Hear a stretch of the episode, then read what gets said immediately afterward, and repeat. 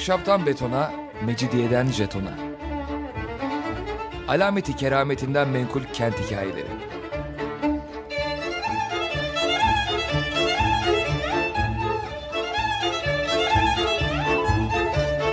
Hazırlayan ve sunan Pınar Erkan.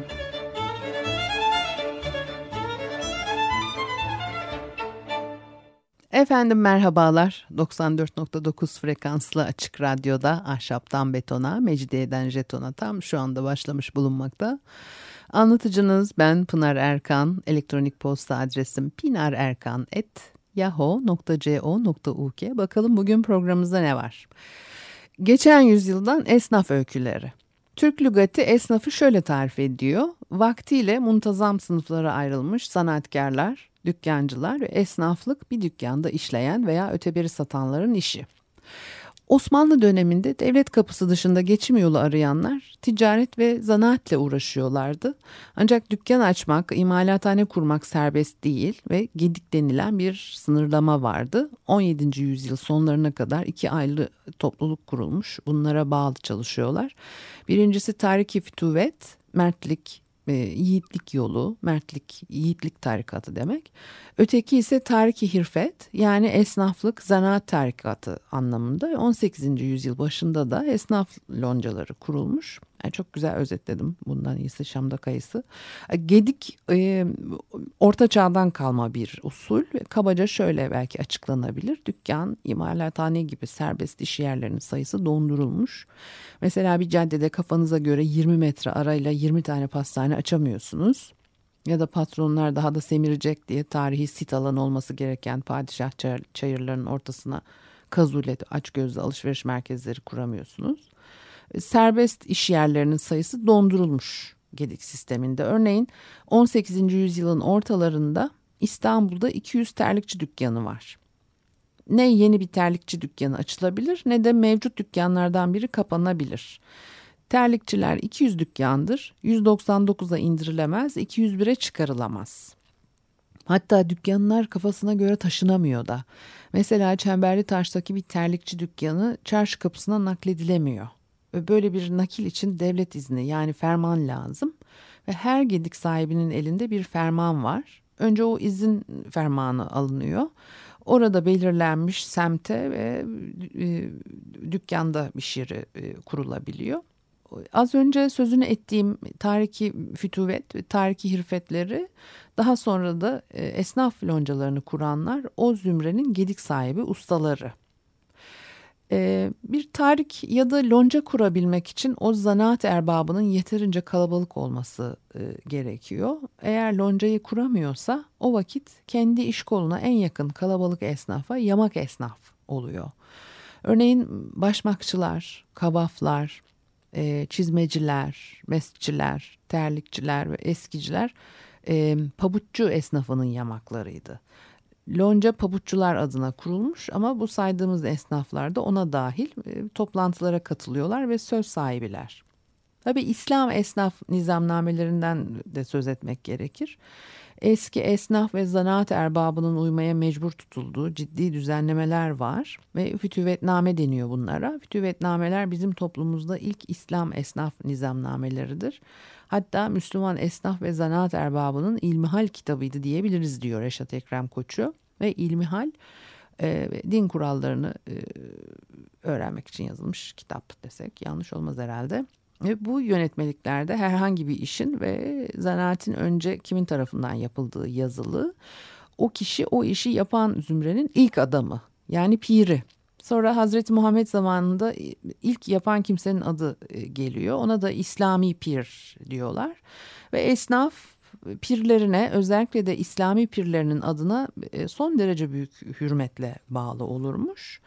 Örneğin İbrahim peygamber Kabe'yi inşa ederken e, kerpicine tuz kattığı için tuzcuların piri kabul edilmiş. Hazreti Muhammed zamanında da Yemen'den Medine'ye ilk defa olarak Ebu Mellah adında biri tuz getirip sattığı için o da tuzcuların İslami piri olmuş. Macuncuların ilk piri var. Ee, yani İslami piri işte Fisagors diye birisi. İslami piri ise zamanında sağlık veren macunlar yaptığı için Ubeyd Attar isimli biri. İşte ekmekçilerin piri Hazreti Adem çünkü cennetten dünyaya indiğinde buğdayla karnını doyurmuş. Hazreti Muhammed zamanında Medine'de ilk defa ekmek pişiren Amir bin İmran, ekmek işlerin İslami piri ve peygamber zamanında bulunmayan işlerin erbabına da sonraki devirlerin ünlü bir siması e, pir oluyor. Artık İstanbul'da pirlerin adını bilen esnaf zannetmem ki kalmış olsun. Oysa eskiden Müslüman esnafın dükkanlarında baş köşeye bir levha asılırmış ve levhanın üzerinde genellikle bir beyit e, yer alırmış. Beyitte de pirin adı geçermiş. Örneğin berber dükkanlarında şöyle bir şey. Her sabah besmele ile açılır dükkanımız. Hazreti Selman Pak'tır pirimiz, üstadımız. Ee, bir iş kolunda dükkan açmak için e, gedik sahibi olmak yani devletten izin fermanı almak gerekir demiştim.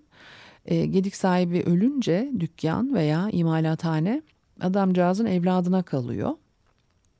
O e, işin başında durmak kaydıyla ve çocuğu yoksa veya işi terk etmişse o gedik sahipsiz sayılıyor ve lonca tarafından kendi başına dükkan sahibi olmaya layık bir e, kalfaya devrediliyor. Esnaf arasında çıraklıktan kalfalığa, kalfalıktan ustalığa geçişte peştemal bağlama, çırak çıkarma gibi törenler var. Öyle kimse kafasına göre kalfa, usta olamıyor. Ancak e, bunların tabii detaylarına şimdi girmeyeceğiz. Yalnız belki e, tarihlerden lonca sistemine geçmeye niye gereksinim duyulmuş diye merak edenleriniz vardır. 18. yüzyılda e, lonca sistemine geçildi demiştim. Şöyle oluyor. E, tarihler zamanında esnaf toplantılarını tekke ve zaviyelerde yaparmış. E, çırağı peştemal kuşatma, kalfayı usta yapma, yani çırak çıkarma gibi törenler de e, burada yapılırmış. Sonraları gayrimüslim esnafın da toplantılara rahatça katılabilmesi için aynı işleri yapan kişilerin çalıştığı bir çarşı civarında bir handa e, açılıyor loncası. Loncaların işleyişi karmaşık fakat e, ne kadar disiplinli iş gördüklerini anlatmak için bir örnek verelim. Aynı işle uğraşanlar büyük bir çarşının bir sokağında veya bir handa toplanıyorlar. Örneğin İstanbul'da e, Mısır Çarşısı attarların ve baharatçıların e, toplandığı çarşıydı ve günümüzde de değişmedi. Biliyorsunuz Mısır Çarşısı yine böyle bir yer. Baharatçıların bol bulunduğu ve aktarların olduğu bir yer. Bunun dışında e, Ketenciler Hanı Kapalı Çarşı'da, Kürkçü Hanı, Yağ Kapanı, Bal Kapan e, Örücüler Hanı, işte ne o? Süleymaniye'de meşhur Bakırcılar Çarşısı gibi örnekler tabii sayılabilir. E, esnafın yanında çalışan bekarlar yine bir arada barınıyorlar. Bekar hanları varmış. Ayrıca yine bu adamcağızların kalması için yurt gibi bekar odaları dedikleri binalar var.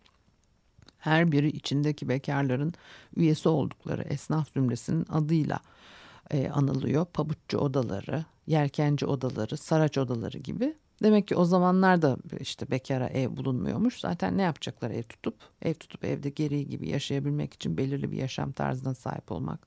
En azından kendi öz bakımını yapabilmek lazım ve e, her esnaf grubunun bekar çalışanları hanlara ve odalara loncanın kefalet etmesiyle alınıyor. Kapılar yatsı namazından sonra kapanır ve sabah ezan okunurken açılırmış. O hanlar ve odalarda kalanlar geceyi asla dışarıda geçiremezlermiş. Bir gece bile dışarıda kalan esnaf bekarı kurallara uymadığı için hemen ertesi gün lonca divanı tarafından sorguya çekilirmiş alınan karara göre işten atılır ve derhal memleketine sürülürmüş. İsterse on parmağında on marifet olsun. Yani sıkı disiplinli bir yaşam öngörülüyor. İşten çıkarıp sokağa salmıyorlar, memleketine geri gönderiyorlar. Bir de e, kıyafetler var tabii.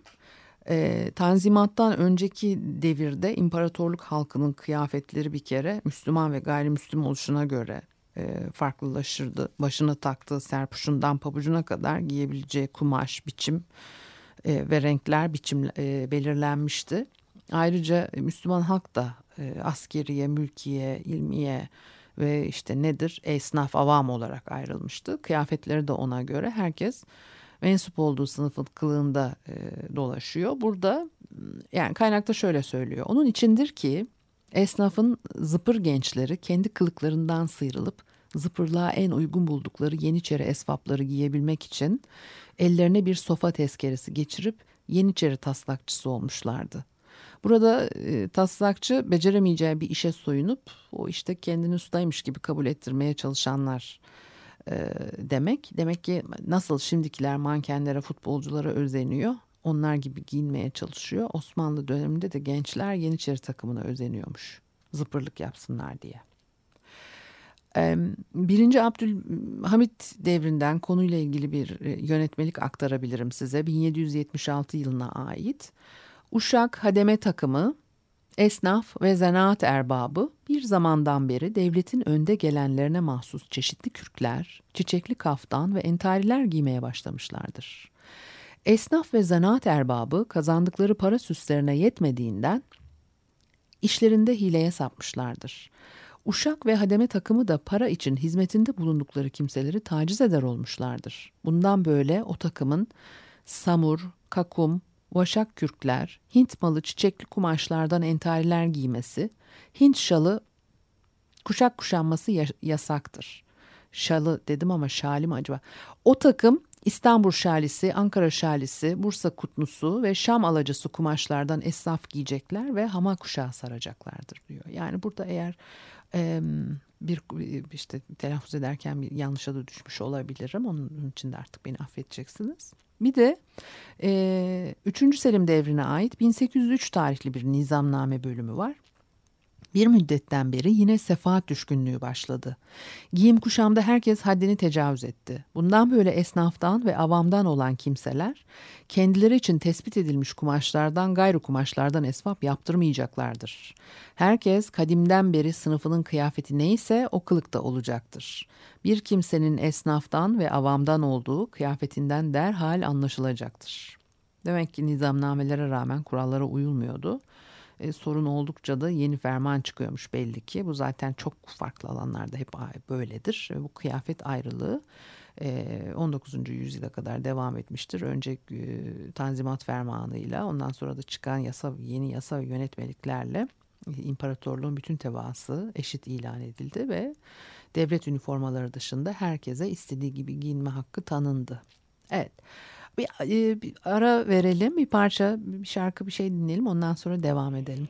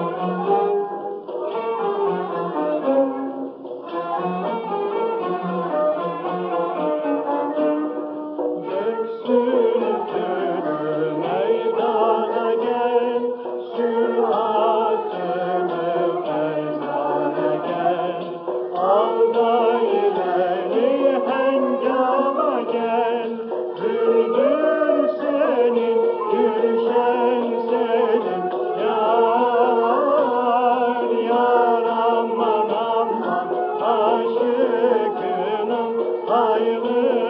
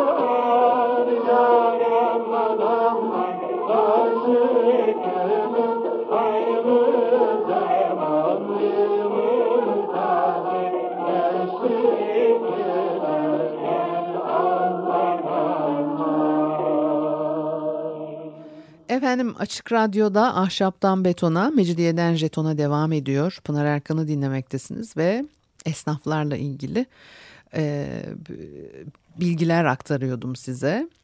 E, tüm kaynaklarda loncalara bağlı esnafın ne kadar ahlaklı olduğu vurgulanır. Ahlaksızlık yapanlar loncası tarafından derhal cezalandırılıyor ünlü Fransız e, işte bir coğrafya bilgini Elize Rüklü Cihan Coğrafyası adlı büyük bir eseri var. Geçen yüzyılın sonunda yaşamış. Bakın Türklerle ilgili ne söylüyor. Türk'ün faziletleri o kadar büyüktür ki hatta kendisine ihanet eder. Namuslu ve sözüne sadık olduğundan borcunu ödeyebilmek için son derece çalışır. Hristiyan tefeciler de bundan istifade ederek ona ömrünün sonuna kadar esir hayatı yaşatacak borç verirler. Türk hiçbir zaman aldatmaz. O kadar namuslu ve doğrudur ki aynı işi yapan dükkan komşuları Rumlar, Suriyeliler, İranlılar ve Ermeniler Türklerin bu iç saflığıyla alay eder, onları acınacak bulurlar. Zaman içinde çok şey değişmiş. Her iki tarafta içinde tabii abartılı ifadeler bunlar. Yani tefeciler Türkleri o kadar borçlandırırmış ki iyi niyetli saf Türkler ömür boyu bu borcu ödemek için esir hayatı sürermiş. Hadi canım. Size de çok tanıdık geldi. Demek ki eskiden de böyle işte 3-5 cebini doldurmaya, makam sahibi olmaya meraklı. Türk'ün oyuncağı yani altından kalkamayacağımız borçlarla perişan düşüyormuşuz. E, Monsieur Rüklü herhalde nezaketinden olacak. Buna dürüstlük demiş. E, fakat biz artık e, başka e, isimlerle adlandırıyoruz bu durumu. İtalyan yazar Edmondo de Amici de geçen yüzyılda İstanbul'u ziyaret etmiş ve e, izlenimlerini bir kitapta bastırmıştır ve İstanbul esnafından şöyle bahsediyor. Rum müşteriyi seslenip çağırır, eliyle koluyla işaretler yaparak davet eder. Ermeni daha temkinlidir. Yahudi malının fiyatını e, kulağa fısıldayarak arz eder. Türkiye gelince sessiz müşterisini sadece bakışlarıyla çağırır. Bir Türkiye söylediği fiyat için sakın biraz aşağı olmaz mı diye pazarlığa girişmeyin. Bunu kendisine bir hakaret sayar ve ben hırsız mıyım ki önce sizden hakkım olmayan fahiş bir para isteyeyim ve sonra pazarlığa girişeyim der. PPP. Edmond Amici e, böyle aktarmış kendi deneyimini. E, bunlar doğruysa biz başka bir millete evrilmişiz demek ki. Ve bu zamanda artık e, böyle eski zaman gururlusu bulmak hiç mümkün değil. Yalın ayaklılardan bir parçacık da size bahsetmek istiyorum. Yine bunu da yani Reşat Ekrem Koçu'dan aktaracağım e, yalın ayaklılar. Başta e, boy boy hane berduşlar, işinin başında ve kendi muhitinde sandalcılar, kayıkçılar, mavnacılar, balıkçılar, vapur ateşçileri, yük arabacıları, bahçıvanlar, kavun ve karpuz sergilerindeki manavlarla çırakları limanda kayıklarla dolaşarak ızgara köftesi veya tavada palamut kızartıp satan deniz aşçıları hemen daima yalın ayaktırlar. Vapur ateşçileriyle fırın uşakları kışın dahi ocakların cehennemi hararetinde bunalarak dışarı nefes almaya yahut fırındaki iş faslalarında civardaki bir kahvehaneye çıktıklarında ortalık çakıl çakıl buzla kaplı olsa dahi çıplak ayaklarına sadece bir takunya geçirirler. Bilhassa yapı mevsimlerinde yazın kum ve kereste gemilerinden mal boşaltan kum ve kereste amelesi istisnasız yalın ayak hatta bir iç donuyla yarı çıplak çalışırlar. Artık tamamen tarihe karışmış olan eski mahalle tulumbacılığı iki büyük devreye ayrılır. İlk devre ağır çardaklı tulumbacılar devresidir. Bu devrede mahalle takımlarının yeknesak bir kıyafeti yoktur. Fakat yangına çıplak ayaklarına yemeni giyerek koşmuşlardır. İkinci devir hafif tulumbacılar devridir. Bu devirde tulumbacılık adeta bir koşu sporu gibi olmuş. Mahalle takımları zamanımızın futbol kulüplerinde olduğu gibi yeknesak formalar giymişler. Başlarında keçek külah ve kefiye, yeknesak bir serpuş bulunmuş. Fakat ayaklarından Yemeniler atılarak yangına yalın ayak koşmuşlardır. Hatta takımları sevk ve idareyle vazifeli ikinci reisler de dahil kışın kar ve buz üstünde dahi Yemeni giyilmemiş, ayaklar çıplak kalmıştır. Morarmış, yarılmış, kanamış. Fakat külhani ihtirası İstanbul'da binlerce delikanlıyı, genç adamı, büyük şehrin bozuk sokaklarında yanan ahşap binalardan savrulup dökülen yalımlı tahtalar ve kızgın çiviler arasında Yalama buzlar, buz gibi çamurlar içinde çıplak ayakla dolaşmış, dolaştırmış ve koşturmuştur. Sultan 3. Selim ve 4. Mustafa devirleriyle Sultan II. Mahmud'un ilk saltanat yılları İstanbul'da Yeniçerilerin en azgın zamanı. Yeniçeri Ocağı bir işe yaramaz haşerat yatağı dolmuştur ve büyük şehrin bütün ayak takımı ocağa kayıtlıydı. Askerlikle ilgileri baldırlarına, pazılarına dövmeyle yaptırdıkları Yeniçeri ortalarının nişanlarından ibaret olup iş, işleri fuhuş ve türlü rezalet, kabadayılık yoluyla hafsala dışında kepazelikti. Bu devirdedir ki bu güruh ile onları taklit eden İstanbul gençleri arasında Cezayir kesimi denilen bir bıçkın modası yayılmıştı. Başa 4-5 arşın boyunda kıymetli bir şal sarılırdı. Sırta bir gömlek giyilir. Kollar bol yenli ve daima dirseğe kadar sıvalı. Düğmeler asla iliklenmez. Sine üryan. Memeler muhakkak görünecek ve göğüs kıllıysa kıllar usturayla tıraş edilir. İki meme ortasında yalnız bir tutam kıl bırakılır. Onlara da birer küçük inci, boncuk geçirilip düğümlenir. Adına sine perçemi denilirdi. Bele de baştakinin eşi şal kuşak sarılır. Bir ucu yere sarkıktır ve güya levendane denilen it adımıyla yürünürken yerde sürünürdü. Kısa iç donu üstüne de kısa diz çakşırı giyilirdi. Çakşırın da diz üstündeki don paçaları görünecek kadar kısa olanı makbuldü. Vakaniyüslerin tabiriyle itlikten kinaye dizler, baldırlar çıplak, ayaklarda yalındı. Yalın ayaklara yağışlı günlerde kışın var ile yok arası çift elli dirhem çekmez Galata yemenisi geçirilirdi. Bu yemenlerin yüzü gayet küçük, ayak parmaklarının yalnız tırnaklarını tutar, parmak enleri görülür, arkası da gayet kısa, topuğu hem şöyle bitiminden tutardı. Güzel günlerde o yeminler de giyinmez, sokaklarda yalın ayak dolaşılırdı. Kışın omuzlara beyaz yünden bir Cezayir bornozu atılırdı. Bir külhani bıçkın modası İstanbul'u öylesine sarmıştı ki beyzadeler, paşazadeler dahi birer kat Cezayir kesimi esbab yaptırdılar. Yanlarında yüzlerine güneş vurmasın diye şemsiye açmış lalalarla İstanbul sokaklarında yalın ayak dolaştılar. Şakır şakır altın sırmalı ve ince işlemeli eğerler vurulmuş atlara yalın ayak bindiler. Evet. Ee, bu da böyle esnaflarla ilgili e, bilgiler. Tabii daha pek çok şey aktarılabilir ama herhalde bu kadarı yeterli. Evet, e, elektronik posta adresimi söyleyeyim. pinarerkan.yahoo.co.uk Önümüzdeki hafta görüşmek üzere. Hoşçakalınız.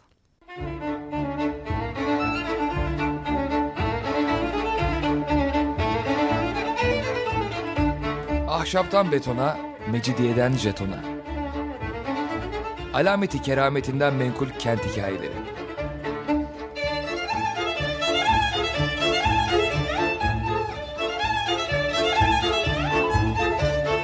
Hazırlayan ve sunan Pınar Erkan.